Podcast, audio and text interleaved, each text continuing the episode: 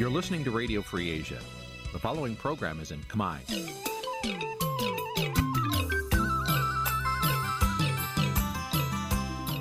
នេះជាកម្មវិធីផ្សាយ Vuthu Azizi Serai នេះជាកម្មវិធីផ្សាយរបស់ Vuthu Azizi Serai ជាភាសាខ្មែរ Vuthu Azizi Serai សូមស្វាគមន៍លោកអ្នកនាងទាំងអស់ពីរដ្ឋធានី Washington នៃសហរដ្ឋអាមេរិក បាទពីរដ្ឋធានីវ៉ាស៊ីនតោនខ្ញុំបាទសេកបណ្ឌិតសូមជម្រាបសួរអស់លោកអ្នកនាងកញ្ញាទាំងអស់ជាទីមេត្រីយើខ្ញុំសូមជូនកម្មវិធីផ្សាយសម្រាប់ព្រឹកថ្ងៃប្រហោះពីកើតខែចែកឆ្នាំខាលចត្វាស័កពុទ្ធសករាជ2566ត្រូវនៅថ្ងៃទី23ខែមីនាគ្រិស្តសករាជ2023បាទជាដំបូងនេះសូមអញ្ជើញអស់លោកអ្នកនាងស្ដាប់ព័ត៌មានប្រចាំថ្ងៃដែលមានមេត្តាដូចតទៅ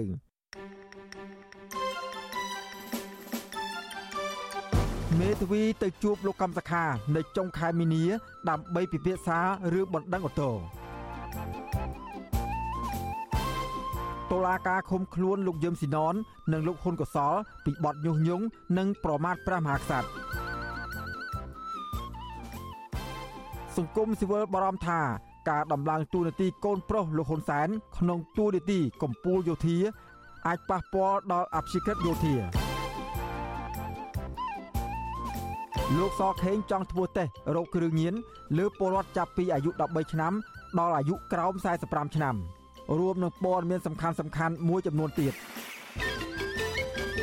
ជាបន្តទៅទៀតនេះខ្ញុំបាទសេកបណ្ឌិតសូមជូនព័ត៌មានពិស្ដាបាទលោកនាងកញ្ញាជាទីមេត្រី សហមេធាវីលោកកម្មសខានឹងទៅជួបលោកកម្មសខា តាមការកំណត់របស់តុលាការនៅចុងខែមីនានេះតុលាការបានអនុញ្ញាតឲ្យលោកកម្មសខា ជួបមេធាវីវិញនេះនៅបន្ទាប់ពីមេបកប្រឆាំងរូបនេះបានដាក់លិខិតទៅព្រះរាជអាជ្ញា កាលពីថ្ងៃទី22មីនាស្នើសុំជួបមេធាវី ដើម្បីពិភាក្សាពីនីតិវិធីដាក់ពាក្យបណ្ដឹងទៅសាលាធរបាទពីរដ្ឋធានីវ៉ាស៊ីនតោនលោកទីនសាការីយ៉ារាយការណ៍អំពីរឿងនេះនៅទីបំផុតទៅតុលាការបានអនុញ្ញាតឲ្យលោកកម្មសខាបានជួបមេធាវីរបស់ខ្លួនហើយទោះបីជាសហមេធាវីមិនបានធ្វើលិខិតស្នើសុំក៏ដោយ តុលាការបានអនុញ្ញាតនេះដោយសារតែលោកកម្មសខាជាអ្នកដាក់លិខិតទៅតំណាងអัยការដោយផ្ទាល់ដើម្បីសុំជួបសហមេធាវីរបស់ខ្លួនសហមេធាវីការពារក្តីឲ្យលោកកម្មសខាគឺអ្នកស្រីមេងសុភារីឲ្យដឹងកាលពីយប់ថ្ងៃទី22មីនាថាសហមេធាវីក្រុងនឹងទៅជួបលោកកម្មសខានៅថ្ងៃទី28មីនាទៅតាមការកំណត់របស់តុលាការដើម្បីពិភាក្សាអំពីនីតិវិធីដាក់ពាក្យប្តឹងទៅសាលាឧទ្ធរប្តឹងទាស់សារក្រមសាលាដំបងរាជធានីភ្នំពេញចេញកាលពីថ្ងៃទី3មីនា ដែលប្តឹងទោសលោកកម្មសខាចំនួន27ឆ្នាំនោះអ្នកស្រីមេងសុភារីបន្ថែមថាសំណុំរឿងលោកកម្មសខាត្រូវប្តឹងអូតូនេះមិនអាចនៅបងអង្គយូរបានទេដោយសារតែនៅសល់ពេលប្រមាណជាមួយសប្តាហ៍ទៀតប៉ុណ្ណោះនឹងផុតពេលវេលាដាក់ពាក្យប្តឹងទាស់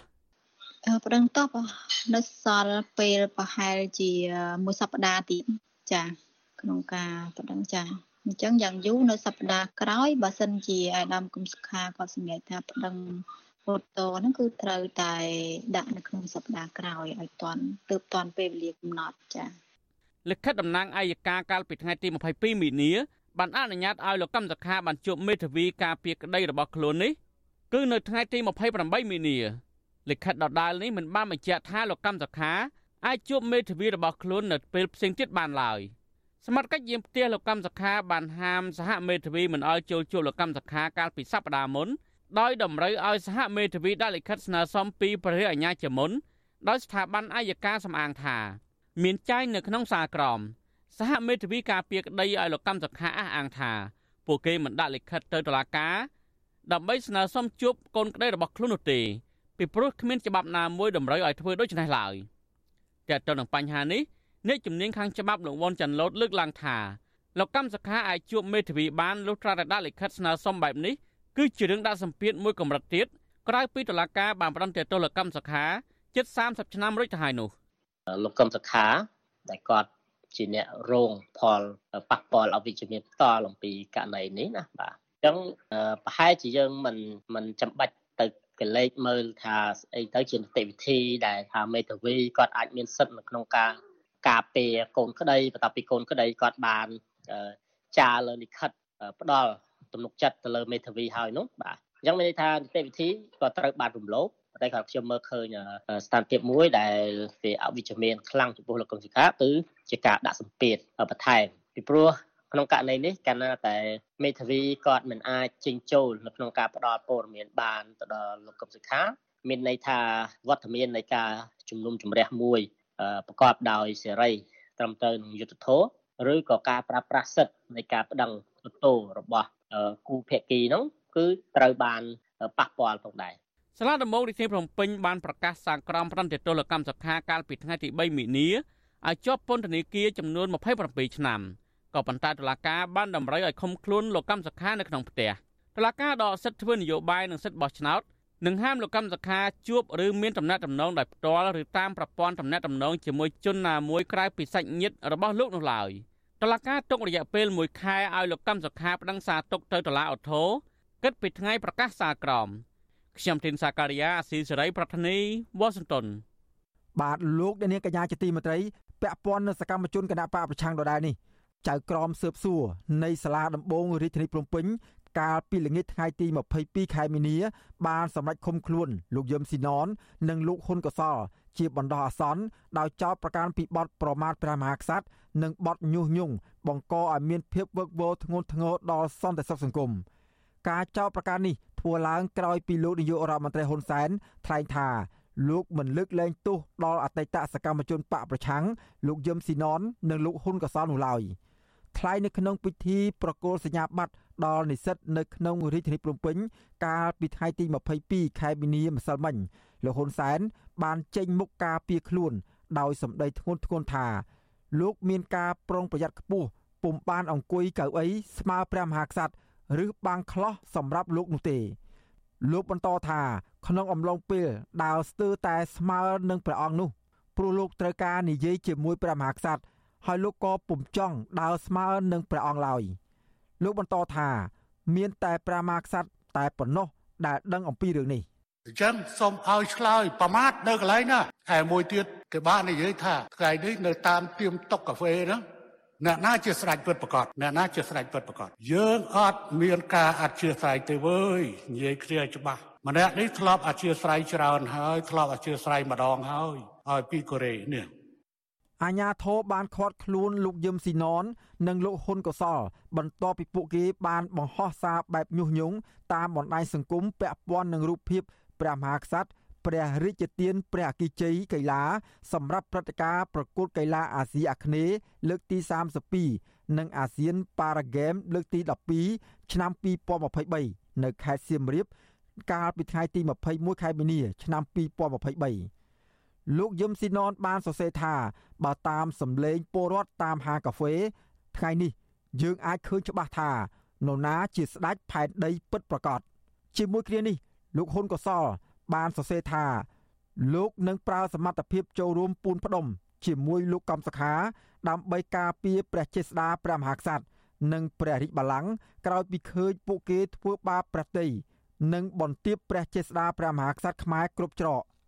ពាក់ព័ន្ធនឹងការចាប់ខ្លួនលោកយឹមស៊ីណននិងលោកហ៊ុនកសលនេះដែរអង្គការឃ្លាំមើលសិទ្ធិមនុស្ស Human Rights Watch អំពាវនាវដល់អាជ្ញាធរកម្ពុជាឲ្យដោះលែងអ្នកទាំងពីរដោយឥតលក្ខខណ្ឌនិងទម្លាក់ចោលរាល់បទចោទប្រកាន់ប្រឆាំងពួកគេនាយករងទទួលបន្ទុកកិច្ចការតំបន់អាស៊ីនៃអង្គការ Human Rights Watch លោក Phil Robertson បញ្ជាក់នៅក្នុងសេចក្តីថ្លែងការណ៍នៅថ្ងៃទី22ខែមីនាថាការបញ្ចេញមតិនៅលើទំព័រ Facebook មិនគួរចាត់ទុកជាអំពើឧក្រិដ្ឋកម្មនោះទេ ពីព្រោះអ្នកទាំងពីរមិនបានធ្វើអ្វីខុសឡើយ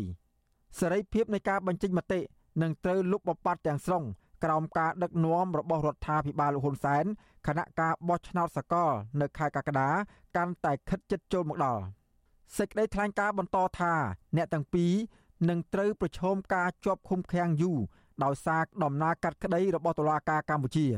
ដែលប្រឌិតរឿងចោទប្រកាន់ក្រោមហេតុផលនយោបាយ ប្រសិនបើប្រទេសកម្ពុជា មានការគោរពសិទ្ធិមនុស្សនិងមានប្រព័ន្ធយុត្តិធម៌ត្រឹមត្រូវអ្នកទាំងពីរនឹងត្រូវដោះលែងព្រមទាំងទម្លាក់ចោលបទចោទប្រកាន់លើពួកគេ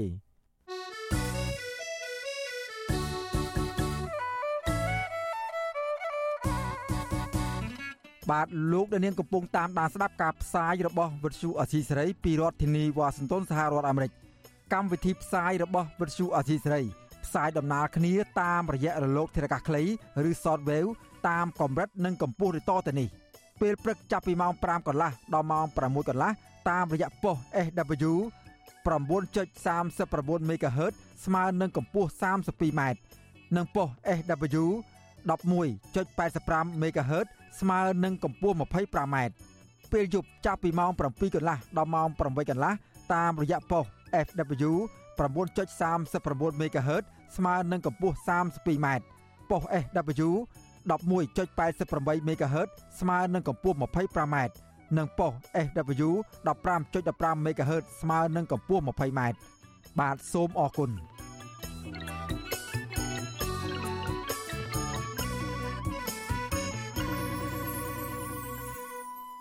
បាទលោកអ្នកនាងកញ្ញាជាទីមេត្រីពាក់ព័ន្ធនឹងវិស័យសុខាភិបាលនេះវិញលោកនាយករដ្ឋមន្ត្រីជាថ្មីម្ដងទៀត បានបង្ហាញមោទនភាពចំពោះការរីកចម្រើន នៅក្នុងវិស័យសុខាភិបាល ដែលលោកអះអាងថា មានគុណភាពគ្រាន់បើ ជាងប្រទេសជឿនលឿនមួយចំនួនតើប្រជាពលរដ្ឋនិងសង្គមស៊ីវិលយល់ឃើញយ៉ាងដូចម្ដេចចំពោះការលើកឡើងរបស់ប្រមុខដឹកនាំរដ្ឋាភិបាលយ៉ាងដូចនេះបាទសេចក្តីរាយការណ៍ពិស្ដារអំពីរឿងនេះលោកនាងនឹងបានស្ដាប់នាពេលបន្តិចទៀត thank you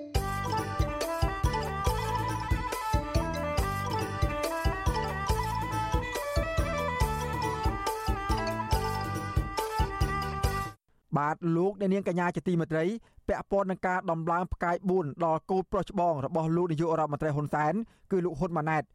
លោកនាយករដ្ឋមន្ត្រីហាងថាការដំឡើងពីផ្កាយ3ទៅពាក់ផ្កាយ4គឺជារឿងត្រឹមត្រូវតាមច្បាប់យោធាព្រោះលោកហ៊ុនម៉ាណែតដែលជាអគ្គមេបញ្ជាការរងនៃកងយុទ្ធពលខេមរៈភូមិន្ទត្រូវតែពាក់ផ្កាយ4ទោះយ៉ាងណាមន្ត្រីគណៈបកប្រឆាំងនិងមន្ត្រីសង្គមស៊ីវិលបារម្ភពីការតែងតាំងនេះ ថាធ្វើឲ្យកងទ័ពបាត់បង់ភាពអព្យាក្រឹតរបស់ខ្លួន បាទពីរដ្ឋធានីវ៉ាស៊ីនតោនលោកទីនសាការីយ៉ាមានសេចក្តីរាយការណ៍ដាច់ដライមួយទៀតជុំវិញព័ត៌មាននេះលោកសានណាអាងថាផ្កាយ4ដែលលោកហ៊ុនម៉ាណែតទទួលបានកាលពីពេលថ្មីថ្មីនេះគឺជាផ្កាយដែលរូបលោកក្នុងនាមជានាយករដ្ឋមន្ត្រីនិងលោកទាបាញ់ដែលជារដ្ឋមន្ត្រីការពារជាតិលួចដំឡើងឲ្យស្ងាត់ស្ងាត់ប៉ុណ្ណោះលោកសានណាអាងថាលោកហ៊ុនម៉ាណែតប្រកាសមិនព្រមពាក់ផ្កាយ4ជាង5ឆ្នាំមកហើយ។ លន់សានដល់សពថ្ងៃកំពុងតែពាក់ផ្កាយ5លើស្មាផងនោះលើកឡើងទៀតថាកូនប្រុសច្បងរបស់លោកជាមនុស្សទី3ក្នុងជួរកងទ័ពតែពាក់ត្រឹមតែផ្កាយ3មិនសមដំណងទេព្រោះអគ្គមេបញ្ជាការរងនៃកងយុទ្ធពលខេមរៈភូមិន្ទផ្សេងផ្សេងគេពាក់ផ្កាយ4លើស្មាអស់ទៅហើយអលោកខ្វះការចេះដឹងនៅកន្លែងណាខេណានៅក្រមរបស់កងទ័ពអគ្គបញ្ជាការរងទាំងអស់ត្រូវឡើងផ្កាយ4ទាំងអស់ ហ៊ុនម៉ាណែតត្រូវឡើងផ្កាយ4តាំងពីឆ្នាំ2018ចឹងខ្ញុំសូមប្រាប់ដែរឲ្យបានច្បាស់ផ្កាយនេះផ្កាយ4នេះជាផ្កាយដែលត្រូវតែមាន ក្របខ័ណ្ឌរបស់វាត្រូវបានផ្កាយ4តែវាមិនព្រមទទួលចឹងទេចុងក្រោយវាសារជាមួយនឹងបាញ់តាតើយើងធ្វើទៅចាំសួរអាមួយនឹងសួរច្បល់វាអីហើយអាមួយនឹងវាអត់ដឹងថាវាឡើងសាក់ទេពេលនឹងវានៅតាមខេត្ត លន់សានថ្លែងដូចនេះក្នុងពិធីប្រគល់សញ្ញាបត្រដល់និស្សិតវិទ្យាស្ថានបណ្ដាជាង4000នាក់នៅថ្ងៃទី22មីនានៅរាជធានីភ្នំពេញលោកហ៊ុនសែនឲ្យដឹងទៀតថា នៅពេលលោកហ៊ុនម៉ាណែតចេញពីកងទ័ពដើម្បីចូលឈ្មោះជាសមាជិកសភាត្រៀមមកជំនួសរូបលោកនោះបើទោះជាកូនប្រុសទី2របស់លោកគឺលោកហ៊ុនម៉ាណិតដែលទៅតែតែងតាំងជាមេបញ្ជាការរងកងទ័ពជើងគោកក្តីតែលោកមិនអោយហ៊ុនម៉ាណិតធ្វើជាមេទ័ពជើងគោកនោះឡើយ។ លោកអះអាងថាលោកទុកកៅអីបញ្ជាការដ្ឋានកងទ័ពជើងគោកនេះឲ្យទៅនាយទាហានថ្នាក់ឧត្តមសេនីយ៍ម្នាក់គឺជាមេបញ្ជាការរងនៃបញ្ជាការដ្ឋានកងទ័ពជើងគោកនិងជាមេបញ្ជាការកងពលទុយលេខ70លោកម៉ៅសុផាន់លន់សែនដែលគ្រប់គ្រងអំណាចជិត40ឆ្នាំមកនេះនឹងកំពុងរៀបចំផ្ទេរអំណាចទៅឲ្យកូនប្រុសច្បងរបស់ខ្លួន បានត្រួសត្រាយផ្លូវឲ្យកូនបង្កើតកូនប្រសានិងក្មួយក្មួយរបស់លោកសុទ្ធតែមានទូនាទីកម្ពូលកម្ពូល នៅក្នុងជួរកងទ័ពនិងជួរនគរបាលជាតិតែទៅនឹងបញ្ហានេះអតីតសមាជិកសភាគណៈបកសង្គ្រោះជាតិដែលកំពុងនៅរទេសខ្លួននៅក្រៅប្រទេសលោកអ៊ុំសំអានយល់ឃើញថា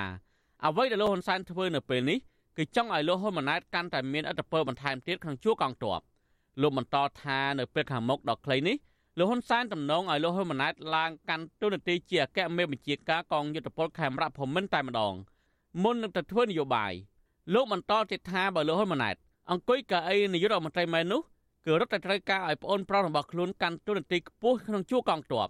ដែលលោកហ៊ុនម៉ាណិតតំណងនឹងលោតទៅកាន់តួនាទីអគ្គមេបញ្ជាការនៃកងយុទ្ធពលខេមរៈភូមិន្ទដើម្បីជួយការពារបងប្រុសរបស់ខ្លួនគាត់ត្រូវឲ្យធ្វើម៉េចគោលរបស់គាត់ទាំងលោកហ៊ុនម៉ាណែតលោកហ៊ុនម៉ាណិតហ្នឹងកាន់យោធាអចប់ហើយនៅខាងប៉ូលីសលោកនេសវឿនហើយនឹងកូនប្រសាររបស់គាត់លោកឌីវិជាកាន់ហើយហេខាងទាហានគឺលោកហ៊ុនម៉ាណែតលោកហ៊ុនម៉ាណិតកាន់ហើយដូច្នេះអត់មានណាងើបបានទេសម្រាប់មានអនុប្រតិការគេយកអញ្ចឹងហើយ មន្ត្រីជាន់ខ្ពស់គណៈបកប្រឆាំងលោកអ៊ំសំអានរិះគន់ថាផែនការផ្ទេរអំណាចតពូជរបស់លោកហ៊ុនសែននៅពេលនេះជាការបំផ្លាញប្រជាធិបតេយ្យសិទ្ធិមនុស្សនិងបង្កឲ្យប្រទេសជាតិរងទណ្ឌកម្មឲ្យធ្វើឲ្យបរដ្ឋកាន់តែជួបទុក្ខលំបាកថែមទៀតចំណែកប្រធានចលនាយុវជនគណៈបកសង្គ្រោះជាតិនៅប្រទេសជប៉ុនលោកហៃវណ្ណាយល់ថាអ្វីដែលលោកហ៊ុនសែនប្រឹងប្រែងធ្វើនៅពេលនេះដើម្បីធានាថា នៅពេលលោកហ៊ុនម៉ាណែតធ្វើជានាយករដ្ឋមន្ត្រីជំនួសលោកនាពេលខាងមុខនោះ គឺលោកហ៊ុនសែននឹងមានសុវត្ថិភាពដោយគ្មានការចោទប្រកាន់តាមផ្លូវតុលាការទោះជាយ៉ាងណាមេដឹកនាំយុវជនរូបនេះរិះគន់ថាការប្រឹងប្រែងរបស់លោកហ៊ុនសែនបែបនេះបានទាញឲ្យកម្ពុជាក្លាយជាប្រទេសផ្ដាច់ការអញ្ចឹងវាជារឿងមួយដែលមិនគួរកើតមានទេនៅក្នុងសង្គមលទ្ធិប្រជាធិបតេយ្យអញ្ចឹងមនុស្សម្នាក់ម្នាក់យើងមិនចង់រស់នៅក្នុងសង្គមមួយដែលគ្មានការគោរពច្បាប់ទេដោយសារលោកហ៊ុនសែនគាត់គ្រប់គ្រងរាល់ថ្ងៃគឺគាត់ធ្វើអីសេតែពើចិត្តឲ្យគេចេះតែទ្រាំរស់ជាមួយពួកគាត់ទេព្រោះតាមការពិតគ្មាននរណាគេចង់រស់នៅបែបហ្នឹងទេគេចង់រស់នៅប្រទេសដែលមានច្បាប់ទម្លាប់ត្រឹមត្រូវការសម្រុកលើកបន្ទប់កូនកោរបស់លោកហ៊ុនសែនឲ្យក្លាយជាអ្នកគ្រប់គ្រងកងទ័ពនៅពេលនេះគណៈកម្ពុជានឹងរៀបចំការបោះឆ្នោតជាតិនៅថ្ងៃទី23កក្កដាខាងមុខ សប្តាហ៍ថ្ងៃបើទោះបីជាគណៈបកសង្គ្រោះជាតិមិនទាន់សង្ឃឹមអាចចូលរួមការបោះឆ្នោតបានវិញក្តីប៉ុន្តែគណៈបកកណ្ដាលអំណាចរបស់លោកហ៊ុនសែនកំពុងនឹងប្រជុំគណៈបកដៃគូប្រកបប្រជែងដ៏គួរឲ្យព្រួយបារម្ភមួយទៀតនោះគឺគណៈបកភ្លើងទៀនដែលគណៈបកនេះមានសមាជិកក្រុមប្រឹក្សាឃុំសង្កាត់នៅទូទាំងប្រទេសជាង2000អាសនៈនិងមានរចនាសម្ព័ន្ធនៅទូទាំងប្រទេសប្រធានអង្គការសម្ព័ន្ធភាពការពារសិទ្ធិមនុស្សហៅកាត់ថាច្រាក់លោករស់សុថាយល់ថា ការតែងតាំងកូនកូនរបស់លោកហ៊ុនសែនក្នុងជួរកងទ័ពមុនការបោះឆ្នោតជាតិមកដល់នេះអាចនឹងធ្វើឲ្យបរិបទម្ចាស់ឆ្នោតនិងគណៈបកប្រកបប្រជែងជាមួយគណៈបកកណ្ដាលអំណាចមានការភ័យខ្លាចលោកបន្តថាអ្វីដែលធ្វើឲ្យពួកគេព្រួយបារម្ភនោះព្រោះខ្លាចកងទ័ពមិនអាចអនុវត្តទូនទីអព្យាក្រឹត ការព្រួយបារម្ភគឺព្រួយបារម្ភអញ្ចឹងឧបមាទេណាខ្លាចកងទ័ពលោកមិនអាចធានាបាននៅអព្យាក្រឹតភាពនៅពេលដែលគណៈបករបស់ខ្លួន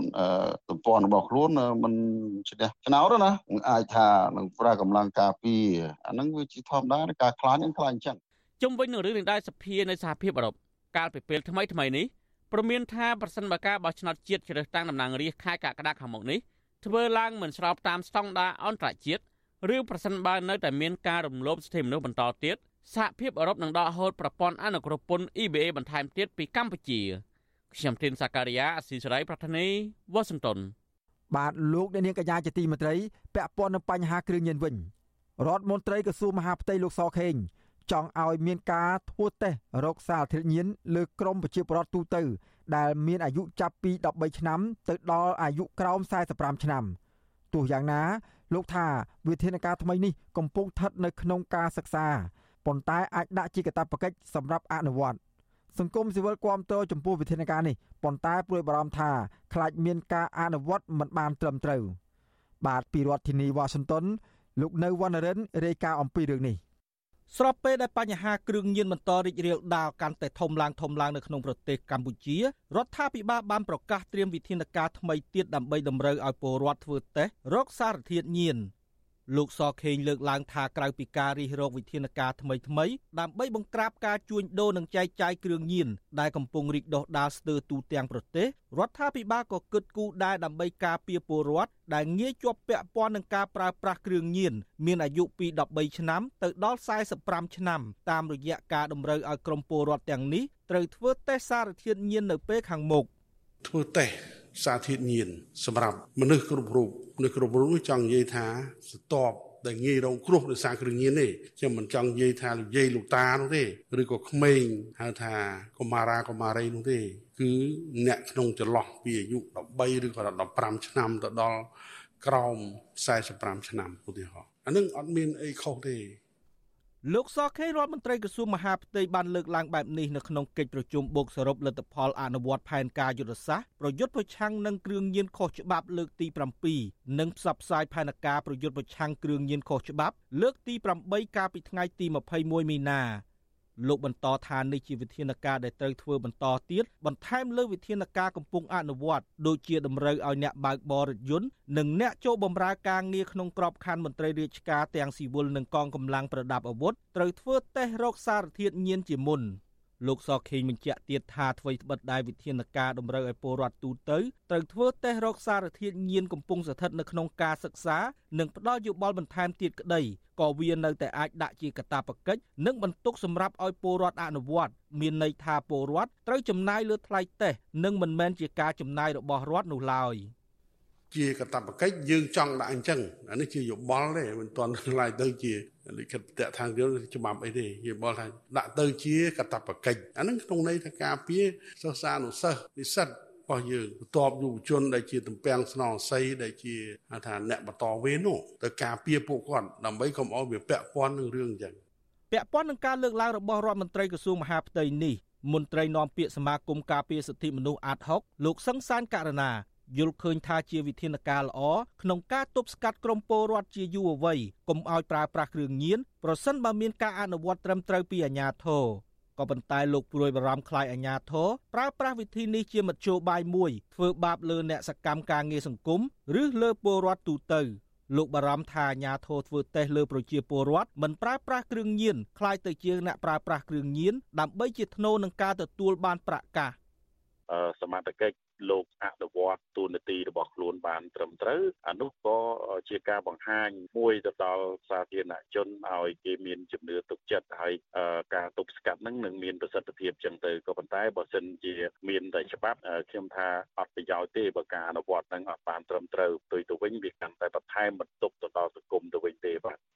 មន្ត្រីសង្គមស៊ីវិលរូបនេះក៏ចង់ឲ្យមន្ត្រីមានទួនាទីត្រូវអនុវត្តច្បាប់ឲ្យបានត្រឹមត្រូវដោយមិនមានភាពលំអៀងការស្អប់ការគុំគួនឬការទទួលបានផលប្រយោជន៍ផ្ទាល់ខ្លួនដើម្បីធ្វើបាបជនណាម្នាក់ឡើយ។ លោកបន្តថាអាញាធរត្រូវការពារសម្ដាប់ធ្នាប់និងសុវត្ថិភាពសង្គមព្រោះអ្នកប្រើប្រាស់គ្រឿងញៀនភៀកច្រើនមិនមានសតិស្មារតីគិតគួរឲ្យបានវែងឆ្ងាយនិងងាយប្រព្រឹត្តជាអំពើផ្សេងផ្សេងដូចជាការប្រើប្រាស់ហិង្សាក្នុងគ្រួសារនិងលួចឆក់ប្លន់ដើម្បីបានលុយមកប្រើប្រាស់គ្រឿងញៀនជាដើម។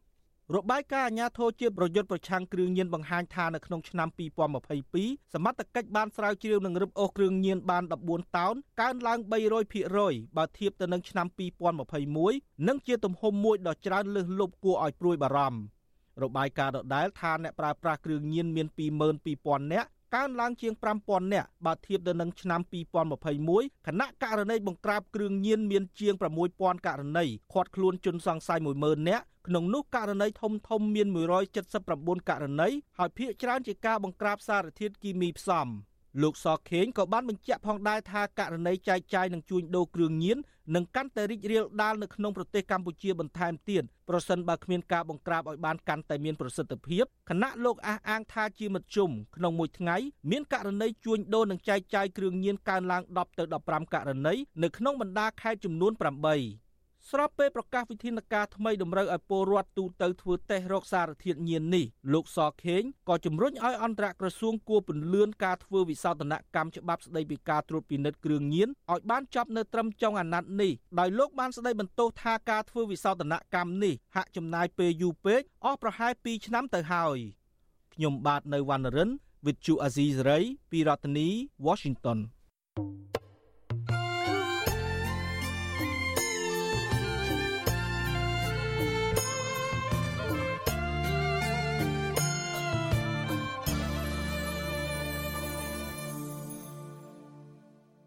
បាទលោកអ្នកនាងកញ្ញាជាទីមេត្រីឥឡូវនេះយើងបន្តក៏លេខទៅមើលបញ្ហាទំនាស់ដីធ្លីនៅខេត្តកោះកុងឯនោះវិញ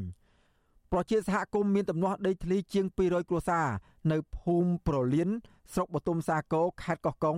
ស្នើឲ្យសាលាដំបងខេត្តនេះពន្យល់នីតិវិធីដោះស្រាយជូនដល់ប្រជាពលរដ្ឋជាជាងពន្យាពេលសវនាការធ្វើឲ្យប៉ះពាល់ដល់ជីវភាពគ្រួសារនិងខាតបង់ពេលវេលាមន្ត្រីសង្គមស៊ីវិលយល់ឃើញថា តុលាការគួរតែទម្លាក់បទចោទប្រកាន់លើប្រជាពលរដ្ឋដើម្បីឲ្យពួកគេអាចមានពេលរកចំណូលផ្គត់ផ្គង់ជីវភាពគ្រួសារ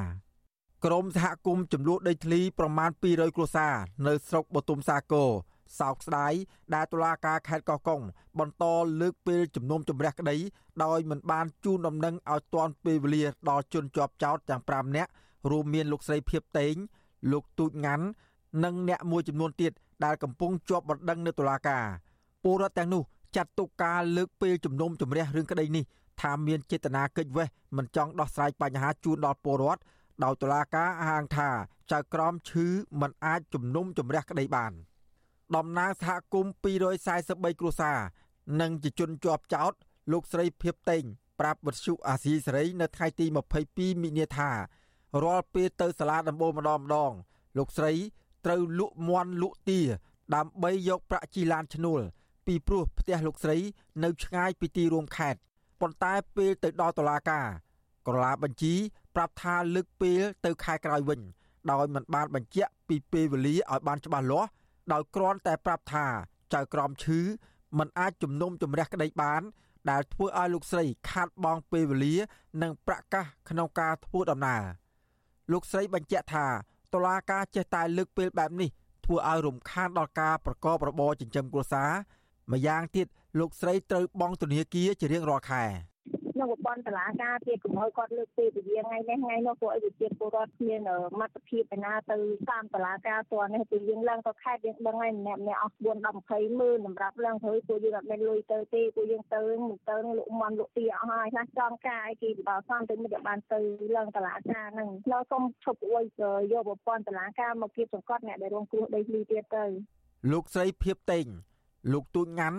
និងអ្នកមួយចំនួនទៀតត្រូវបានអភិបាលរងខេត្តកោះកុងលោកហាក់លេងប្តឹងពីបទញុះញង់ឲ្យបង្កភាពចលាចលប៉ះពាល់ដល់សណ្ដាប់ធ្នាប់សាធារណៈនិងរំលោភយកដីសាធារណៈរបស់រដ្ឋក្រោយពេលដែលពួកគេតវ៉ាទាមទារយកដីដែលក្រុមហ៊ុនស្កអំពៅរបស់លោកអង្ញាលីយ៉ុងផាត់រំលោភយកជាង200ហិកតានោះមកវិញស្រដៀងគ្នានេះដែរតំណាងសហគមន៍ម្នាក់ទៀតគឺលោកស្រីដេតហួរ ដែលតែងតែទៅឃ្លាំមើលសវនាការរបស់លោកស្រីភៀបតេង សង្កេតឃើញថា សំណុំរឿងរបស់លោកស្រីភៀបតេងនេះមិនប្រក្រតីតាំងពីដំបូងមក ពីព្រោះដីដែលមានចំនួននោះ គឺរវាងសហគមន៍និងក្រុមហ៊ុនកោះកុង Sugar របស់លោកអុកញ៉ាលីយ៉ុងផាត់ប៉ុន្តែបែរជាមន្ត្រីរដ្ឋាភិបាលប្តឹងគាត់ទៅវិញលោកស្រីស្នើដល់តុលាការឲ្យទម្លាក់ចោលបទចោលប្រកាន់លើតំណាងសហគមន៍មានទំនាស់ដីធ្លីទាំងនោះ ពីព្រោះពួកគេពុំបានប្រព្រឹត្តខុសច្បាប់នោះឡើយ។ ចេតនានេះពជាពេលមិនមិនព្រមវាអត់ប្រាប់ក្តីសន្តិណាចៅក្រមគាត់ពជាពេលហេតុផលគាត់ឈឺគាត់គួរតែប្រាប់សហគមន៍ឬមួយសម័យខ្លួនកូនក្តីរបស់លោកមេធាវីនឹងពីចម្ងាយឬមួយប្រាប់លោកមេធាវីពីចម្ងាយកុំឲ្យគាត់ធ្វើដំណើរហើយនឹងពួកយើងទាំងអស់គ្នាត្រៀមខ្លួនហើយដូចលើកមុនហ្នឹងទៅដល់សាលាការបែរជាត្រូវពជាពេលគួរឲ្យប្រជាពលរដ្ឋចំណាយលុយទៅដែលអត់ប្រយោជន៍ទៅដល់បែរជាអត់ធ្វើសាវនាការកន្លងមកតំណាងប្រជាពលរដ្ឋនាំគ្នាដាក់ញត្តិស្នើសុំដំណោះស្រាយរឿងវិវាទដីធ្លីនេះទៅសាលាស្រុកបទុមសាគរជាច្រើនលើកច្រើនសារមកហើយដើម្បីឲ្យតុលាការជួយរកយុត្តិធម៌ដល់ពួកគាត់ប៉ុន្តែបែរជាត្រូវមន្ត្រីអាជ្ញាធរខេត្តប្តឹងមកប្រជាពលរដ្ឋវិញក្នុងនោះមានប្រជាពលរដ្ឋចំនួន5នាក់ដែលត្រូវជាប់បណ្ដឹងក្នុងតុលាការក្រោមបទចោទបង្កចលាចលនិងធ្វើឲ្យខូចសណ្ដាប់ធ្នាប់សាធារណៈ ការចោទប្រកាន់នេះធ្វើឲ្យប្រជាពលរដ្ឋយល់ថាពួកគេរងនៅភាពឈឺចាប់និងរឿងអយុត្តិធម៌ពីមន្ត្រីរដ្ឋាភិបាលជុំវិញរឿងនេះវិទ្យុអាស៊ីសេរីនៅពុំទាន់អាចសុំការបកស្រាយបំភ្លឺពីប្រធានមន្ត្រីរៀបចំដែនដីនគររូបនីយកម្មនិងសំណង់លោករស់វីរាវុធបានទេ ដោយសារលោកប្រាប់ថាជាប់រវល់ប្រជុំចំណែកអភិបាលរងខេត្តកោះកុងលោកហាក់លេងក៏វិទ្យុអាស៊ីសេរីមិនទាន់អាចតាក់ទងបានដែរជុំវិញរឿងនេះ មន្ត្រីសម្របសម្រួលអង្គការលីកាដូប្រចាំខេត្តកោះកុងលោកហ៊ូអ៊ីនមានប្រសាសន៍ថាចៅក្រមឬតុលាការគួរតែជូនដំណឹងដល់ប្រជាពលរដ្ឋមុនពេលសម្រេចលើកពេលសវនាការជំនុំជម្រះទៅពេលក្រោយជាជាងឲ្យពួកគាត់ចំណាយថវិកាជិះឡានទៅតុលាការខាត់ពេលវេលាលោកបន្តថាតុលាការគួរតែពិចារណាទម្លាក់បទចោទប្រកាន់លើតំណាងប្រជាសហគមន៍ទាំងនោះពីព្រោះពួកគេមិនបានប្រព្រឹត្តខុសច្បាប់នោះឡើយពួកគេគ្រាន់តែអនុវត្តសិទ្ធិដើម្បីទាមទារដីធ្លីដែលក្រុមហ៊ុនស្កអំពើរំលោភយក មកកាន់កាប់វិញប៉ុណ្ណោះអញ្ចឹងវិជាប្រដ្ឋគាត់ប្រកាសថាត្រូវការដីសម្រាប់ធ្វើស្រែឬក៏ធ្វើចការអញ្ចឹងចំពោះករណីហ្នឹងទោះថាតឡាការគួរតែលក្ខការចោតប្រកាន់ទៅដើម្បីឲ្យអាជ្ញាធរខេត្តក៏ដូចជាក្រសួងដែនដីហ្នឹងសម្រាប់ទំនួលមួយវិជាប្រដ្ឋដើម្បីរកវិធីណាដោះស្រាយបានចប់ចំពោះករណីហ្នឹងវាជារៀងការមានការចាប់ជាប្រដ្ឋដាក់ពន្ធនាគារខ្ញុំឃើញថា វាមានរូបភាពមួយដែលថាធ្វើចាប់ជាវកបព្រោះតែករណីដីធ្លីណាប្រជាសហគមន៍ឲ្យដឹងថាពួកគាត់បានកាន់កាប់និងអាស្រ័យផលលើដីចំនួននោះតាំងពីឆ្នាំ1979ហើយអ្នកខ្លះទៀតបានកាន់កាប់ដីនោះនៅឆ្នាំ2000ដោយបានធ្វើស្រែចម្ការ និងដាំដំណាំផ្សេងផ្សេងដើម្បីចិញ្ចឹមជីវិត ដោយមិនមានអាជ្ញាធរណា ទៅហាមឃាត់ឡើយប្រជាសហគមន៍អះអាងទៀតថាលុះដល់ខែកក្កដាឆ្នាំ2006 ក្រុមហ៊ុនកោះកុង Sugar និងក្រុមហ៊ុនកោះកុង Plantation របស់លោកអញ្ញាលីយ៉ុងផាត់ដែលជាសមាជិកព្រឹទ្ធសភានៃគណៈបកកណ្ដាលអំណាចបានប្រើគ្រឿងចាក់មកឈូសឆាយរំលោភយកដីរបស់ពួកគាត់សរុបជាង200ហិកតាហើយបង្ខំឲ្យពលរដ្ឋទទួលយកសំណងបន្តិចបន្តួចមកទួលនៅពេលនេះបើទោះបីជាក្រុមហ៊ុនស្កអំពៅរបស់លោកអញ្ញាលីយ៉ុងផាត់ផ្អាកធ្វើអាជីវកម្មយ៉ាងណាក្តីក៏អាជ្ញាធរមិនព្រមប្រគល់ដីទាំងនោះមកឲ្យប្រជាសហគមន៍កាន់កាប់វិញឡើយ កន្លងមកអាជ្ញាធរអះអាងថា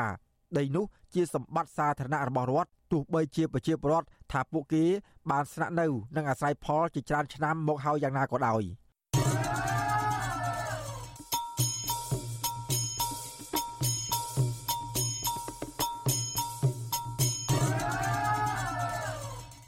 បាទលោកនាងកញ្ញាជាទីមេត្រី នៅឯខេត្តមណ្ឌលគិរីឯនោះវិញព្រៃស្រោងជាង100ហិកតាទៀត ដែលជាជំរកសត្វព្រៃនិងជាកន្លែងដែលជនជាតិដើមភាគតិចភ្នងអាស្រ័យផលត្រូវបានគេឈូសឆាយដុតកំទេចចោលដើម្បីទន្ទ្រានយកដីធ្វើជាកម្មសិទ្ធិបុគ្គលស្ថិតនៅក្នុងឃុំដាក់ដាំស្រុកអូរាំងពលរដ្ឋនិងអ្នកសារព័ត៌មានបានចុះទៅដល់ទីតាំងកັບទន្ទ្រានដីព្រៃនោះនិងបានលុតជង្គង់សំពះអាជ្ញាធរខេត្តមណ្ឌលគិរីឲ្យទប់ស្កាត់ការឈូសឆាយការកាប់បំផ្លាញព្រៃស្រោងដ៏ធំសម្បើមនេះដែលពួកគេចាត់ទុកថា ជាដំណើរឈានទៅរកវិនិស្សកម្មព្រៃឈើដែលបន្សល់ទុកចុងក្រោយប្រជាសហគមន៍ជនជាតិដើមភៀកតិចភ្នងនៅខេត្តមណ្ឌលគិរីលោកប៊ូរ៉េតកំពីប្រាប់បទសុអសីសេរី កាលពីថ្ងៃទី22មីនាថាព្រៃស្រោងដែលទើបឈូសឆាយនៅរយៈពេលប្រមាណ2សប្តាហ៍ចុងក្រោយនេះស្ថិតនៅចំណុចអូអន្ទុតក្នុងភូមិប៉ូលេសឃុំដាក់ដាមស្រុកអូរាំងលោកថាព្រៃតំបន់នោះ សម្បូរដើមឈើធំធំ ដែលសត្វព្រៃរស់នៅ និងឆ្លងកាត់ហើយជនជាតិដើមភាគតិចជាច្រើនគ្រួសារតែងតែអាស្រ័យផលលើព្រៃឈើនោះជាច្រើនចំនួនណាស់មកហើយ។អាជ្ញាធរនឹងពួកគាត់មិនដែលរវីរវល់នឹងការជួសឆាយកាប់ដីព្រៃក៏ជីវរដ្ឋរងមានអីទេមិនដែលចុះល្បាតចុះអីទេតែដល់ខាងសារព័ត៌មានក៏ចុះអញ្ចឹងបានផ្អើលឆលអីទៅមើលទៅអីទៅមើលយើងតាមដានថាតើពួកគាត់នឹងរកឃើញឬក៏អត់គេនឹងនឹងថាគេមិនជឿថាពួកគាត់រកមិនឃើញឬក៏គ្រឿងចាក់ឬក៏មុខសញ្ញាអ្នកដែល ជួសឆាយអ្នកអាកាសនឹងមុនអញ្ចឹងមុននឹងពេលដែលគេចូលគ្រឿងចាក់ជួសឆាយអញ្ចឹងគេជំរឿជំរាបអាជ្ញាធរមុនវិទ្យុអាស៊ីសេរីនៅពុំទាន់អាចតាក់ទងសុំការបំភ្លឺអំពីរឿងនេះពីអភិបាលខេត្តមណ្ឌលគិរីលោកថងសវណ្ណបាននៅឡើយទេ នៅថ្ងៃទី22ខែមីនាជុំវិញរឿងនេះអ្នកសម្របសម្រួលសមាគមការពារសិទ្ធិមនុស្សអាត6ខេត្តមណ្ឌលគិរីលោកប៊ីវ៉ានីចាត់ទុកការឈូសឆាយតំបន់ព្រៃស្រោងទាំងនេះថាជាទង្វើល្មើសច្បាប់ និងរំលោភសិទ្ធិជនជាតិដើមភាគតិច ដែលទាមទារឲ្យអាជ្ញាធរស៊ើបអង្កេតរោគអ្នកពាក់ព័ន្ធលោកថាជួនជាតិដើមភេតិចតែងតែជួបរឿងអយុត្តិធម៌ជាច្រើនជុំវិញការថយចុះធនធានធម្មជាតិដោយសារអាញាធរមិនបានយកចិត្តទុកដាក់ដោះស្រាយរឿងនេះនៅឡើយទេអស់រយៈពេលជាច្រើនឆ្នាំណាស់មកហើយ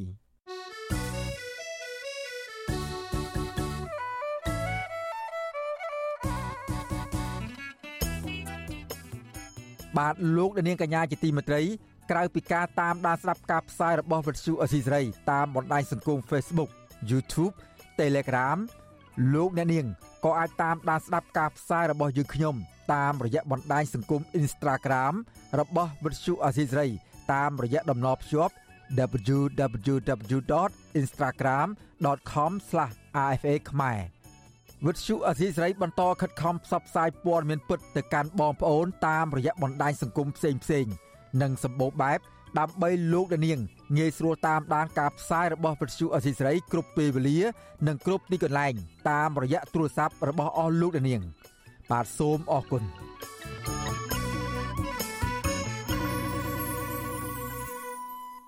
បាទលោកអ្នកនាងកញ្ញាជាទីមេត្រីពាក់ព័ន្ធនឹងស្ថានភាព ពលករចំណាក់ស្រុកនៅឯប្រទេសកូរ៉េឯនោះវិញ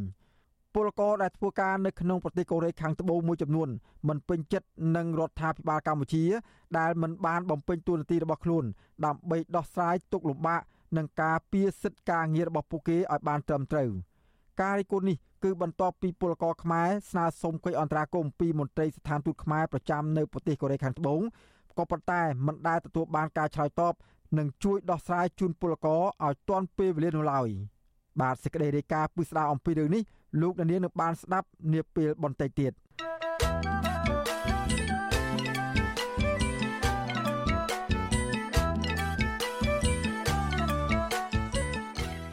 បាទលោកអ្នកនាងកញ្ញាជាទីមេត្រី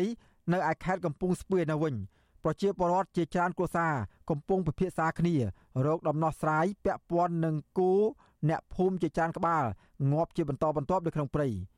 មន្ត្រីសង្គមស៊ីវិលស្នើឲ្យអាជ្ញាធរស៊ើបអង្កេតនិងទប់ស្កាត់ករណីនេះជៀសវាងការបណ្តែតបណ្តោយឲ្យរឿងនេះកើតឡើងដដែលដដែលប៉ះពាល់ដល់ជីវភាពរបស់ប្រជាពលរដ្ឋបាទពីរដ្ឋធានីវ៉ាស៊ីនតោនអ្នកស្រីសុជីវីរាយការណ៍អំពីរឿងនេះពលរដ្ឋរស់នៅឃុំតាសាលនិងឃុំត្រពាំងជួរស្រុកអូរ៉ាល់ខេត្តកំពង់ស្ពឺកំពុងស្វះស្វែងរកមធ្យោបាយដោះស្រាយករណីគោរបស់ពួកគាត់ ងាប់ជាបន្តបន្ទាប់នៅក្នុងព្រៃអស់រាប់រយក្បាល ក្នុងរយៈពេល5ឆ្នាំចុងក្រោយនេះអ្នកភូមិថាថ្មីថ្មីនេះគោរបស់ពួកគាត់ជិត10ក្បាលទៀតបានងាប់ហើមស្អុយនៅក្នុងព្រៃរបស់នៅក្នុងឃុំតាសាលពលរដ្ឋរស់នៅភូមិពោមាសឃុំត្រពាំងជោលោកសុកលីប្រាប់វិទ្យុអាស៊ីសេរីនៅថ្ងៃទី23ខែមិនិនាថាស្ទើរជារៀងរាល់ថ្ងៃគោរបស់អ្នកភូមិងាប់ចន្លោះពី30ក្បាលទៅ90ក្បាល ដោយគោខ្លះ ងាប់ស្អុយរលួយ ហើយខ្លះទៀតត្រូវគេវះយកតែសាច់ក៏មានលើសពីនេះលោកថាកាលពីឆ្នាំ2022គោរបស់គ្រួសារលោកបានងាប់7ក្បាលទៀតនៅពេលលែងចូលទៅក្នុងព្រៃរបស់នៅរដូវប្រាំងលោកបញ្ជាក់ថាអ្នកភូមិកំពុងពិភាក្សារកដំណោះស្រាយដោយក្រុងជួបជាមួយអាជ្ញាធរឃុំដើម្បីពិគ្រោះយោបល់រឿងនេះនឹងចង់ឲ្យមាន ការទប់ស្កាត់បាត់ល្មើសរកបាត់ល្មើសនិងការបាត់បង់គូនិងមានការឈឺងាប់ក្នុងព្រៃការសង្ស័យគូងាប់ក្នុងព្រៃឃើញឃើញតែកាត់ច្បែកឃើញតែក្បាលនិងគូងាប់ឲ្យលួយសាច់នឹងមិនហ្នឹងកាលពីថ្ងៃទី10ខែមិនិនាគោចំនួន7ក្បាលរបស់អ្នកភូមិមួយគ្រួសាររស់នៅភូមិថ្មីនៅក្នុងឃុំតាសាលបានងាប់នៅចិត្តចំការដំឡូងមីរបស់ក្រុមហ៊ុនឯកជនមួយដោយមិនដឹងមូលហេតុអ្នកភូមិថាគោងាប់ទាំងអស់នោះហើមពោះនិងមានក្លិនស្អុយ ក្រោយពីងាប់មិនបានយូរប៉ុន្មានឡើយដែលមិនអាចឲ្យអ្នកភូមិវះយកសាច់មកធ្វើម្ហូបបានឡើយលោកសុកលីបន្ថែមថាគោមួយក្បាល មានតម្លៃចន្លោះពីជាង1លានរៀលទៅជាង2លានរៀលលោកថាអ្នកភូមិមានទម្លាប់ចិញ្ចឹមគោលែងតាមវាលស្រែនិងព្រៃរបស់លោកថាករណីក្រុមចោរលួចដាក់អន្ទាក់នៅក្នុងព្រៃដើម្បីវះយកសាច់គោលក់ក៏កំពុងកើតមានច្រើនដែរព្រោះកន្លងទៅ លោកតែងប្រទះឃើញសម្ភារៈមួយចំនួន និងសំណល់សាច់គោដែលពួកចៅបន្សល់ទុកវិទ្យុអាស៊ីសេរីមិនអាចតាក់ទងសុំការបំភ្លឺរឿងនេះពីអភិបាលខេត្តកំពង់ស្ពឺលោកវៃសំណាង និងស្នងការនគរបាលខេត្តនេះលោកសំសមួនបាននៅឡើយទេ នៅថ្ងៃទី22ខែមិនិនាដោយទូរស័ព្ទហៅចូលច្រើនដងតែគ្មានអ្នកលើកនាយប៉ុស្តិ៍នគរបាលឃុំតសាលលោកហៅមេងខៀងមានប្រសាសន៍ថាមន្ត្រីជំនាញបានចុះពិនិត្យដោយយកសំណាក់គោងាប់ទាំងនោះទៅពិនិត្យរួចហើយរកឃើញថា គោទាំងនោះពោលថ្នាំនៅលើចំណិតដំឡូងមីដែលគេដាក់ហាលសម្ដិលថ្ងៃឲ្យស្ងួតលោកបញ្ជាក់ថានៅពេលពលរដ្ឋប្រមូលផលដំឡូងមីពួកគាត់តែងតែយកដំឡូងមីទៅហាលថ្ងៃបូកផ្សំនឹងការប្រើប្រាស់ថ្នាំបាញ់ស្មៅផងក៏បណ្ដាលឲ្យពលគោរបស់អ្នកភូមិលោកថាពលរដ្ឋមានទម្លាប់លេងគោចូលទៅក្នុងព្រៃនៅរដូវប្រាំងរហូតដល់រដូវវស្សាដល់ពេលធ្វើស្រែទើបស្វែងរកគោរបស់ខ្លួនមកវិញ គឺគោធម្មតាគេដាំដំណាំពេលខែនេះវាក្តៅអញ្ចឹងគេដាក់ជីយបាញ់ជីបាញ់ថ្នាំការពារសត្វល្អិតអញ្ចឹងហើយគោប្រជាពលរដ្ឋគាត់លែងដោយសារទំនៀមទម្លាប់គាត់គាត់លែងចោលអ្នកខ្លះគាត់លែងចោល5 6ខែបានទៅរវិញទៅខ្លះក៏ឃើញគោកែបកូនចូលក្រោលវិញទៅខ្លះទៅក៏បាត់អត់ឃើញទៅក៏ចោលទៅណាបងដោយសារសារនេះងាប់អញ្ចឹងដោយសារមានអ្នកទៅរកបេះស្លឹករិចស្លឹកល្ងៀងអីយកមកស្លហ្នឹងឃើញក៏ដឹងទៅបើសិនមានអ្នកឃើញក៏ចោលហ្នឹងជុំវិញរឿងនេះអ្នកនាំពាក្យសមាគមការពារសិទ្ធិមនុស្សអាត6លោកសឹងសានករណាមានទស្សនៈថាអញ្ញាធរ គួរតែយកចិត្តទុកដាក់រកមធ្យោបាយដោះស្រាយរឿងនេះដោយមិនគួរបណ្តែតបណ្តោយឲ្យមានករណីបែបនេះកើតឡើងជាបន្តបន្ទាប់ច្រើនឆ្នាំមកហើយ នៅតែរបៀបនេះប្រជាពលរដ្ឋលោកថាមានភាពអស់សង្ឃឹមប្រព័ន្ធនៃការអនុវត្តច្បាប់និងការទទួលខុសត្រូវរបស់អាជ្ញាធរពាក់ព័ន្ធនឹងណាបើសិនជាមិនពង្រឹងឬក៏ជំរុញឲ្យមានការអនុវត្តឲ្យបានត្រឹមត្រូវទេការរស់នៅពាក់ព័ន្ធទៅនឹងបញ្ហាជីវភាពនិងសុខភាពសម្បត្តិរបស់ពួកគាត់អីទាំងអស់នេះវាធ្វើឲ្យពួកគាត់មិនពេញចិត្តជាមួយនឹងអាជ្ញាធរដែលទទួលខុសត្រូវនឹងហើយអញ្ចឹងគួរតែមានការចាត់វិធានការហ្នឹងឲ្យបានឆាប់រហ័សហើយជៀសវាងបណ្តែតបណ្ដោយដដែលដដែលនឹងកើតឡើងទៀតណាអ្នកភូមិបន្ថែមថាពលរដ្ឋក្រីក្រ មានទម្លាប់ចិញ្ចឹមគោលែងតាមវាលស្រែចម្ការនិងព្រៃរបស់តាំងពីបុរាណកាលមកស្ទើរคล้ายជាទម្លាប់ទៅហើយក៏ប៉ុន្តែនៅរយៈពេលជាង10ឆ្នាំចុងក្រោយនេះបន្ទាប់ពីមានវត្តមានក្រុមហ៊ុនឯកជនជាច្រើនវិនិយោគដីសម្បត្តិសេដ្ឋកិច្ចនៅក្នុងតំបន់នោះករណីគោងាប់ក៏តែងតែកើតឡើងជាញឹកញាប់ធ្វើឲ្យអ្នកភូមិខាតបង់ទ្រព្យសម្បត្តិអស់ជាច្រើននាងខ្ញុំសុជីវី With Shu Azizi Serai ពីរដ្ឋធានី Washington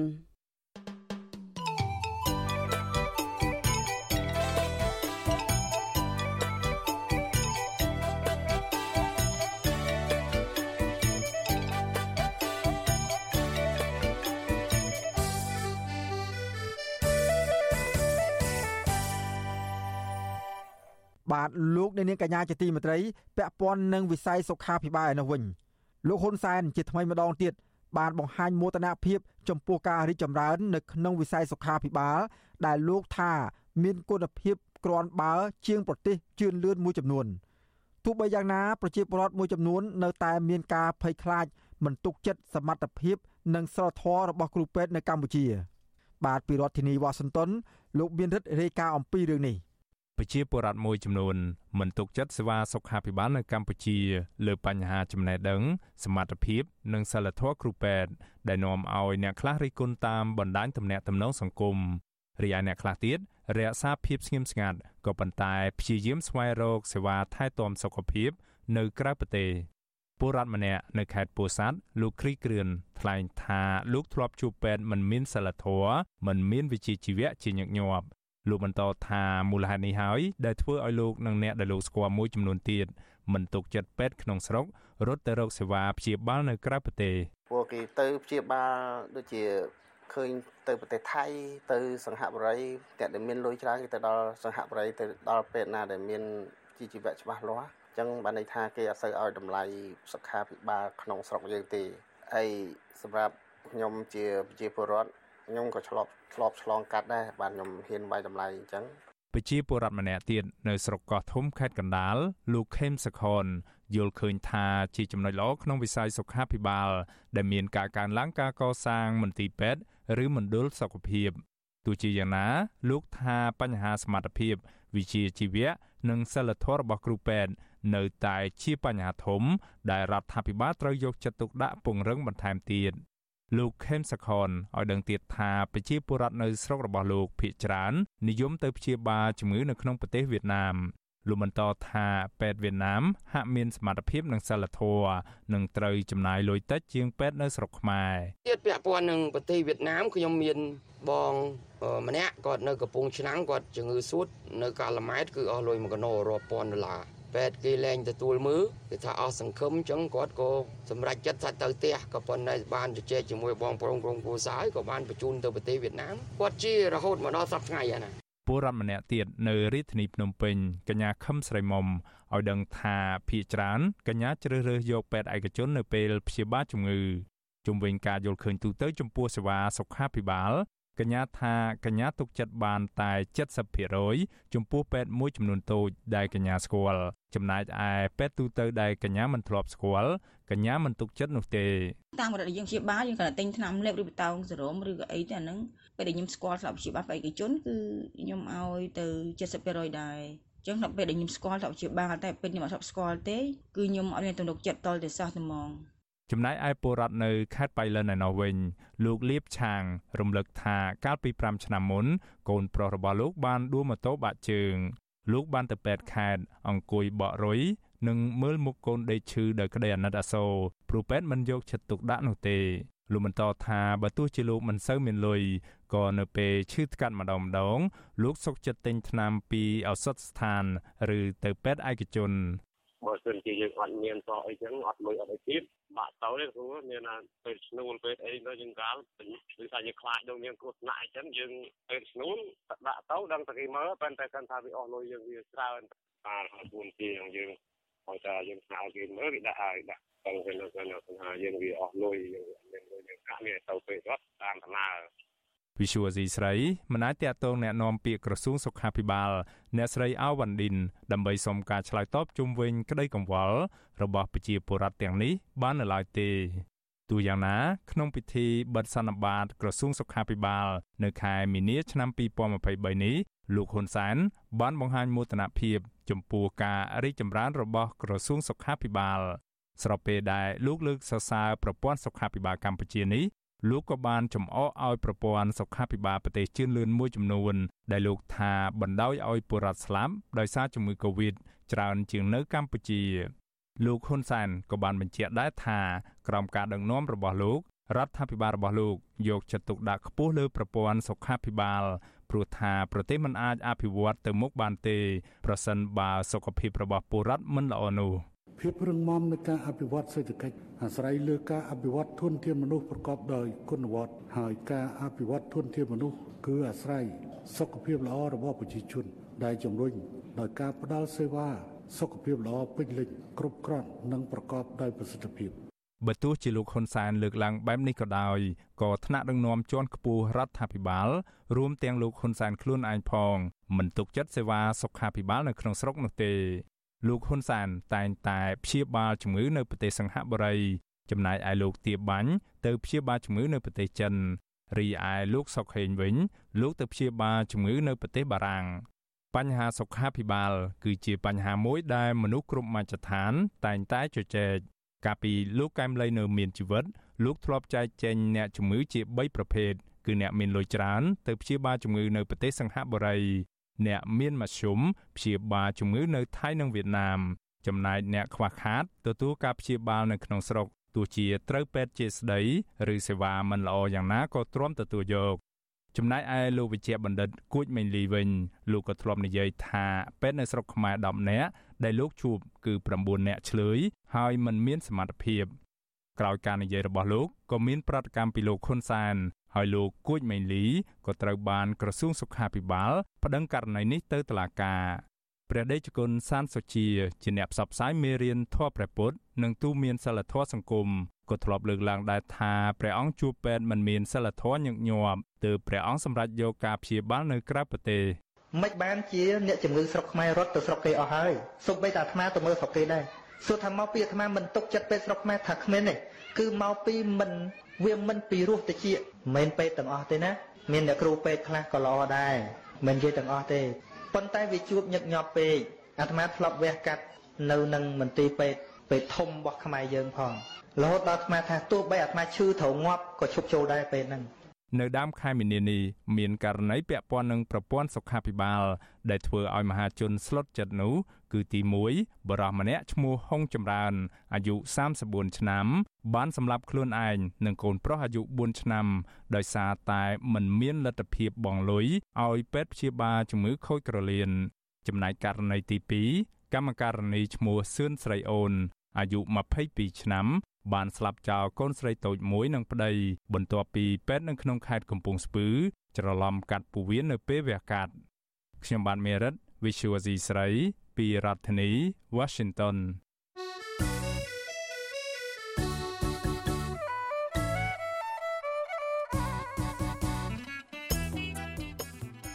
បាទលោកនាងកញ្ញាជាទីមេត្រីក្រៅពីការតាមដានស្ដាប់ការផ្សាយរបស់វិទ្យុអស៊ីសេរីតាមបណ្ដាញសង្គម Facebook YouTube Telegram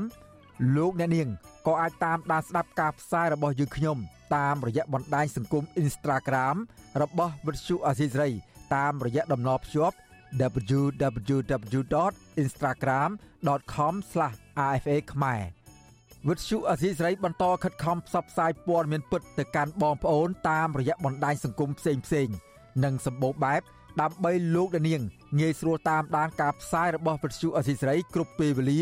និងគ្រប់ទីកន្លែង តាមរយៈទូរស័ព្ទរបស់អស់លោកដានាង បាទសូមអរគុណ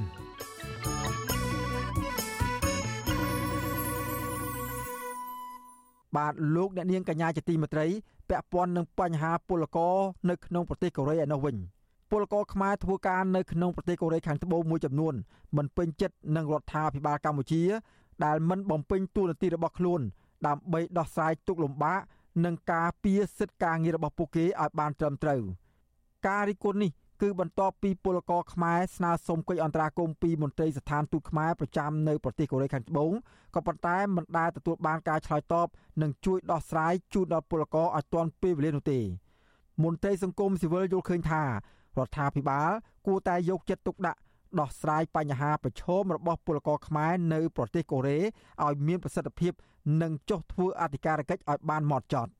បាទពីរដ្ឋធានីវ៉ាស៊ីនតោនអ្នកស្រីស៊ូជីវីរាយការណ៍ពីស្ដារជុំវិញស្ថានភាពរស់នៅ និងការងាររបស់ពលករខ្មែរនៅក្នុងប្រទេសកូរ៉េ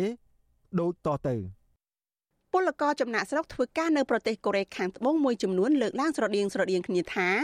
ពួកគេរំពឹងថាមកធ្វើការនៅក្រៅប្រទេសដើម្បីរកប្រាក់ចំណូលគ្រាន់ផ្គត់ផ្គង់ជីវភាពគ្រួសារប៉ុន្តែ បែរជាត្រូវថៃកែមួយចំនួនគម្រាមកំហែងសម្លុតនិងប្រាអំពើហិង្សាលើពួកគេទៅវិញពួកគេស្នើឲ្យរដ្ឋាភិបាលយកចិត្តទុកដាក់កិត្តគូពីសុខទុក្ខរបស់ពលករដើម្បីធានាថាពួកគេធ្វើការដោយគ្មានការផិតភ័យពលករនេះមានស្រុកកំណើតនៅខេត្តស្វាយរៀងលោកស្រីសយច័ន្ទរីប្រាប់វិទ្យុអាស៊ីសេរី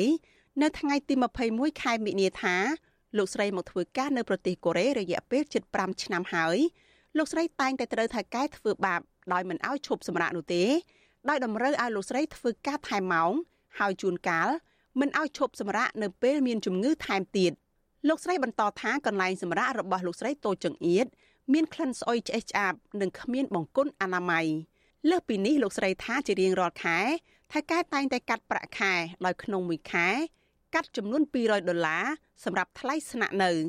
ខែភ្លៀងអញ្ចឹងខែភ្លៀងអញ្ចឹងខ្ញុំនៅក្នុង house service stay ហ៎ពេលអាបកុនអាបកុនយើងមិនមែនបកុនចុចទឹកហ្នឹងវាវាដែតមកអញ្ចឹងណាវាអត់ហូរទឹកឯពួកខ្ញុំត្រូវ ទៅចុះទៅអាចុះកាយទឹកអាចហ្នឹងទឹកហ្នឹងពេលដែលទឹកវាទឹកចំនួនមកនៅកន្លែងហ្នឹងវាធំចកេះធំអីហើយពេលអញ្ចឹងលមួពេលខ្លះឈឺពេលខ្មុំតិចអីចឹងខ្ញុំតិច40តនិចណាព្រោះនៅក្នុងហៅស្ទើហ្នឹងគេដាក់ខ្មុំបាន strawberry ហ្នឹងវាចេញផ្លែហ៎គាត់ឲ្យយើងលើកហ្នឹងត្រូវខ្មុំតិច40តនិចខ្ញុំស្លាប់2ថ្ងៃគេអត់ល្វីល្វល់មួយយើងឯងពលករធ្វើការនៅក្នុងប្រទេសកូរ៉េគ្មានសិទ្ធិបដូរកន្លែងការងារតាមចិត្តទេរាល់ការបដូរការងារទៅកន្លែងផ្សេង ទាល់តែថៅកែចុះហត្ថលេខាអនុញ្ញាតបើមិនដូច្នោះទេ ពួកគេមិនអាចបដូរកន្លែងធ្វើការបានឡើយពលករទាំងនោះនឹងក្លាយទៅជាពលករខុសច្បាប់មិនថាពួកគេមានឯកសារស្របច្បាប់ក៏ដោយប្រសិនបើពួកគេរត់ចេញពីកន្លែងចាស់ទៅកន្លែងផ្សេង ហើយពួកគេក៏គ្មានឱកាសធ្វើការងារនៅកូរ៉េទៀតនោះដែរស្រដៀងគ្នានេះដែរពលករម្នាក់ទៀតធ្វើការនៅទីក្រុងប៊ូសានលោកម៉ាត់វ៉ានីថ្លែងថាពលករមួយចំនួនដែលធ្វើការនៅតំបន់ដាច់ស្រយាលភៀកច្រើន ត្រូវបានថៅកែរំលោភសិទ្ធិការងារដោយសារតែនៅតំបន់ឆ្ងាយអាជ្ញាធរកម្រចុះទៅត្រួតពិនិត្យពលកររូបនេះបញ្ជាក់ថាលោកត្រូវបានថៅកែបង្ខំឲ្យធ្វើការលើកម្លាំងរហូតដល់15ម៉ោងនៅក្នុងមួយថ្ងៃដែលធ្វើលោកប្រឈមនឹងបញ្ហាសុខភាព ពលករខ្មែរយើងស្លាប់ដោយសារជំងឺទាំងបេះដូងនេះច្រើនប៉ុន្តែវិធានការចាក់ស្ដែងពីស្ថានទូតគឺអត់ដែលចុះមកអឺដូចថាពិនិត្យឬក៏អង្កេតរកអង្គហេតុគឺប្រមូលហេតុដែលនាំមកកើតជំងឺចឹងហើយចេញជាវិធានការការពារគឺអត់មានទេគឺ មែនទែនទៅពលករយើងដែលរស់នៅកូរ៉េនេះរស់រដូវខែត្រជាក់ហ្នឹងគឺគ្រប់គ្នាហ្នឹងដេកភ័យមិនដឹងថាស្អែកនឹងបានឃើញពលិព្រះអាទិត្យអត់ជាទូទៅគឺអ្នកដេកដែលដេកខ្លាប់នៅភាគច្រើនហ្នឹងគឺនៅតំបន់កសិកម្មពលករទាំងនេះអះអាងថារដ្ឋាភិបាលកម្ពុជា មិនបានអើពើជួយអន្តរាគមន៍ទៅដល់ពលករនៅពេលពួកគេមានទុក្ខលំបាកឡើយហើយបែរជាបណ្តែតបណ្ដោយឲ្យថៅកែជនជាតិកូរ៉េរំលោភសិទ្ធិការងារ មិនការពារសិទ្ធិឲ្យពួកគេនិងប្រើអំពើហិង្សាគំរាមកំហែងបណ្ដេញចេញពីកន្លែងការងារថែមទៀតពលករខ្មែរនៅប្រទេសកូរ៉េភាគច្រើនជាពលករធ្វើការដោយប្រើកម្លាំងការងារភាគច្រើនសម្រាប់ពលករខ្មែរគឺមានតែនៅក្នុងផ្នែកកសិដ្ឋាននិងឧស្សាហកម្មវិទ្យុអាស៊ីសេរីមិនអាចសុំការបកស្រាយពីអ្នកនាំពាក្យក្រសួងការងារលោកហេងសួរ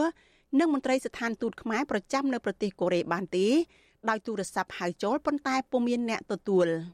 ជុំវិញរឿងនេះអ្នកគ្រប់គ្រងកម្មវិធីសិទ្ធិការងារនៃមជ្ឈមណ្ឌលសម្ព័ន្ធភាពការងារនិងសិទ្ធិមនុស្សហៅកាត់ថាអង្គការសង្ត្រាល់លោកខុនថារ៉ូមានប្រសាសន៍ថា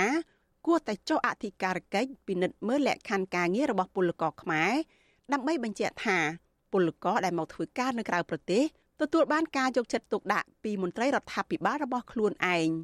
លោកជំរុញឲ្យរដ្ឋាភិបាលជួយអន្តរាគមន៍ទៅដល់ពលករខ្មែរទៅដល់ទីតាំងដែលពួកគាត់កំពុងប្រឈមបញ្ហា និងឆ្លើយតបនឹងបញ្ហារបស់ពួកគាត់ឲ្យបានទាន់ពេលវេលាយើងដឹងហើយថាប្រសិទ្ធភាពតម្លាភាពនៅក្នុងការអនុវត្តធានាទៅដល់ការជំរុញឲ្យមាននៅការលើកកម្ពស់សិទ្ធិរបស់ពលករខ្មែរនៅបរទេសហ្នឹងវាចាំបាច់ណាស់ដែលភាគីរដ្ឋហ្នឹងគាត់ត្រូវដើរតួនាទីជាអាណាព្យាបាលហើយគាត់ហ្នឹងហើយដែលមានអធិបុលមានអំណាចនៅក្នុងការធ្វើការងារជាមួយភាគី នៃរដ្ឋាភិបាលនោះក៏ប៉ុន្តែយើងឃើញថាប្រសិទ្ធភាពនៅក្នុងការទៅផ្ដល់កិច្ចអន្តរាគមន៍នៅពេលដែលករណីមានបញ្ហាកើតឡើងដូចអញ្ចឹងអានឹងកិច្ចអន្តរាគមន៍នឹងមានការយឺតយ៉ាវនៅក្នុងករណីមួយចំនួនកន្លងមកមានពលករខ្មែរជាច្រើនអ្នកត្រូវបានថៃកែគម្រាមកំហែងប្រើហិង្សា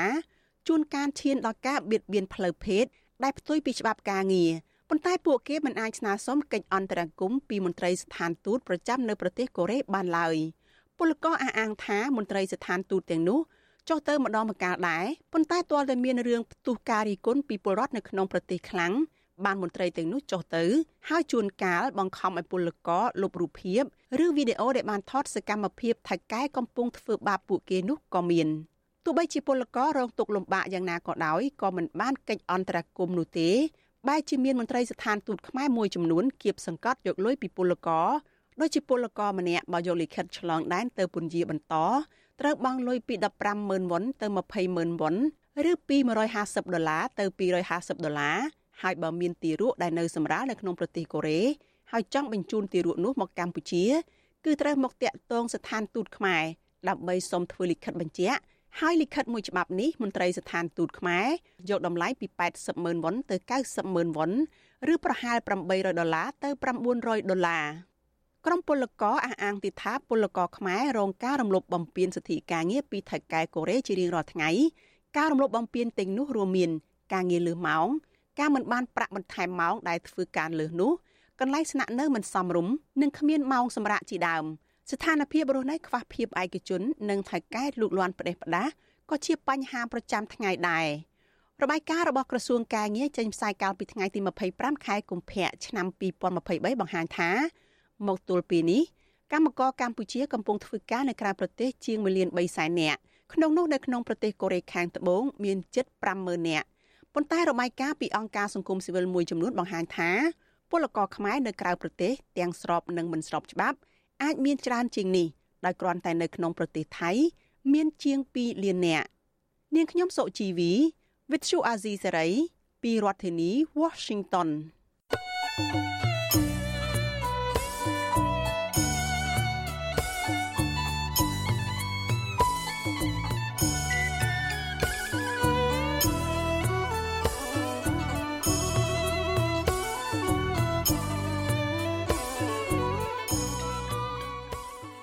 បាទលោកអ្នកនាងកញ្ញាជាទីមេត្រីការផ្សាយរយៈពេល1ម៉ោងរបស់វិទ្យុអសីសេរីសម្រាប់ព្រឹកនេះចប់តែប៉ុណ្ណេះយើងខ្ញុំសូមថ្លែងអំណរគុណយ៉ាងជ្រាលជ្រៅចំពោះអស់លោកនាងដែលបានតាមដានស្ដាប់ការផ្សាយរបស់យើងខ្ញុំតាំងពីដើមរហូតមកទល់នឹងពេលនេះយើងខ្ញុំសូមប្រសិទ្ធពរជ័យសិរីមង្គលវិបុលសុខគ្រប់ប្រការកើតមានដល់អស់លោកនាងគ្រប់ទិនទិវារាត្រីនិងគ្រប់ក្រុមគ្រួសារកំបីគ្លៀងគ្លេឡើយខ្ញុំបាទសេកបណ្ឌិតព្រមទាំងក្រុមការងារទាំងអស់របស់វិទ្យុអសីសេរីសូមអរគុណនិងសូមជម្រាបលា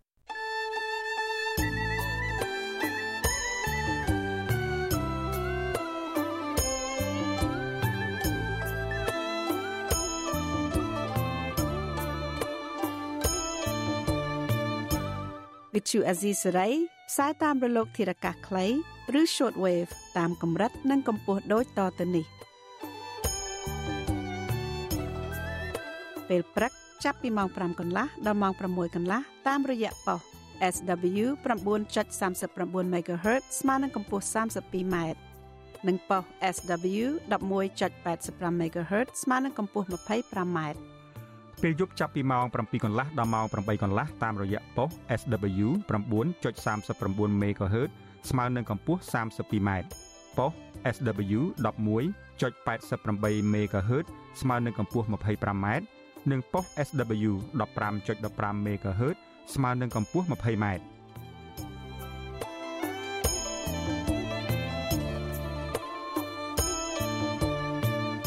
លោកអ្នកនាងក៏អាចស្ដាប់ការផ្សាយផ្ទាល់ តាមប្រព័ន្ធអ៊ីនធឺណិតដោយចូលទៅកាន់គេហទំព័រ www.rfa.org/